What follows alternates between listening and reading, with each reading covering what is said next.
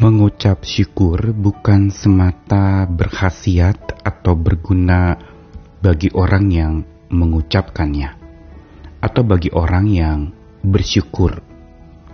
Namun, dampak dari ucapan syukur itu bisa meluas bila dikerjakan dengan mendalam dan dilakukan dengan sungguh-sungguh serta secara rutin setiap saat kita boleh mendisiplin diri untuk terus bersyukur apa pun dan bagaimanapun keadaan kita atau kondisi sekeliling hidup kita. Dampak dari ucapan syukur, hasiat yang keluar dari ucapan syukur kita itu seperti sebuah cahaya yang menyinari dunia ini. Bayangkan bila begitu banyak pribadi-pribadi yang senantiasa bersyukur dan ucapan syukurnya itu menjadi filosofi hidup setiap pribadi sehingga mempengaruhi komunitasnya, lalu dari komunitasnya lebih luas lagi mempengaruhi sekelilingnya bahkan sampai ke dunia yang lebih luas lagi. Karenanya betapa kita perlu secara serius melakukannya. Tentu saja memang tidak mudah pada saat di mana godaan-godaan datang untuk bersungut-sungut, untuk khawatir dan cemas, dan ini semua menghalangi kita untuk tetap bersyukur. Namun, bukan berarti kalau tidak mudah, itu berarti tidak dapat kita lakukan. Ada rahasia yang kita bisa pakai sebagai langkah awal untuk supaya bisa belajar bersyukur hingga bersyukur itu memancarkan cahaya ke mana-mana.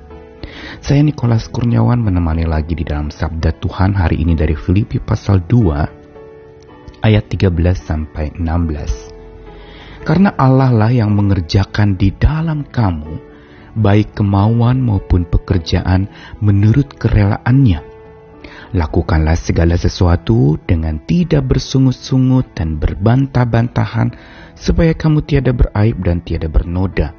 Sebagai anak-anak Allah yang tidak bercela di tengah-tengah angkatan yang bengkok hatinya dan yang sesat ini, sehingga kamu bercahaya di antara mereka seperti bintang-bintang di dunia, sambil berpegang pada firman kehidupan, agar aku dapat bermegah pada hari Kristus, bahwa aku tidak percuma berlomba dan tidak percuma bersusah-susah.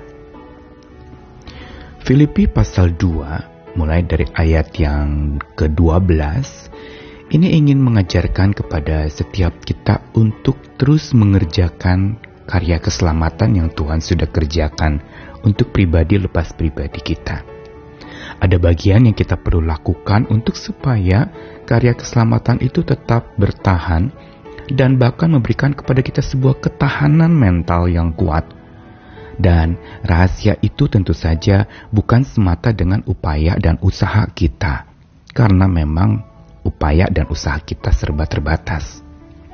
Tetapi ayat 13 tadi diawali dengan sebuah kekuatan yang mengatakan bahwa Allah lah yang mengerjakan di dalam diri kita, entah itu kemauan ataupun pekerjaan yang membentuk hati kita menurut kerelaannya. Inilah yang menjadi andalan kita untuk supaya kita bisa tetap bersyukur, yaitu Allah yang bekerja di dalam diri kita.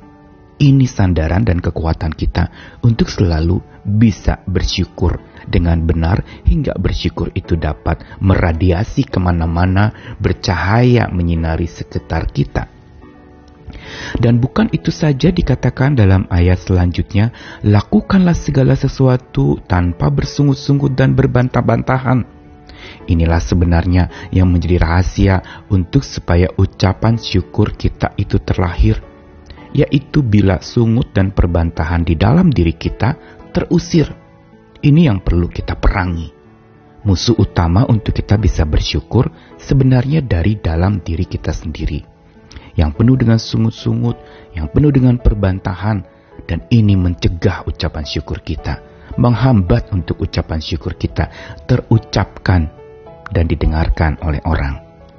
Dan kemudian bila ucapan syukur kita itu terlahir setelah sungut dan perbantahan itu kita usir, segala amarah, segala perbantahan yang berarti sulit menerima sebuah kondisi atau bersungut-sungut tidak pernah puas dengan apa yang sudah diterima, maka selanjutnya bila itu langkah itu dilakukan, maka dikatakan supaya kita tidak beraib dan tiada bernoda seperti anak-anak Allah yang tidak bercela. Ini memberitahukan kepada kita bahwa ucapan syukur itu bukan saja bisa lahir dari sungut dan perbantahan dalam diri yang terusir, tetapi juga bisa memberikan kepada kita sebuah dampak, yaitu aib dan noda hidup kita akan tersingkir justru lewat kebiasaan bersyukur ini.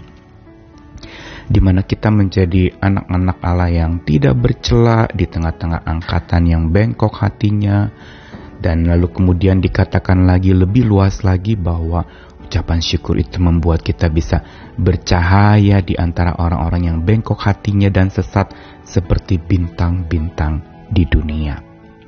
Dan inilah penghiburan kita, bahwa ucapan syukur kita yang sederhana yang lahir dari hati yang memuji Tuhan, yang mengagungkan Tuhan dan membiarkan Tuhan bekerja dalam hati kita, itu akan berdampak kepada dunia ini menjadi seperti bintang-bintang di dunia. Sehingga bagi dunia cahaya syukur itu hadir melalui hidup kita. Inilah yang menjadi kekuatan kita dan membuat kita bisa menyadari bahwa ucapan syukur kita bukan semata membuat kita lega, tapi juga membuat dunia ini mengalami akan kasih Tuhan, mengenal Tuhan melalui ucapan syukur kita mengenal akan betapa Tuhan yang selalu bekerja di dalam diri kita dan tidak pernah henti untuk memulihkan hidup kita.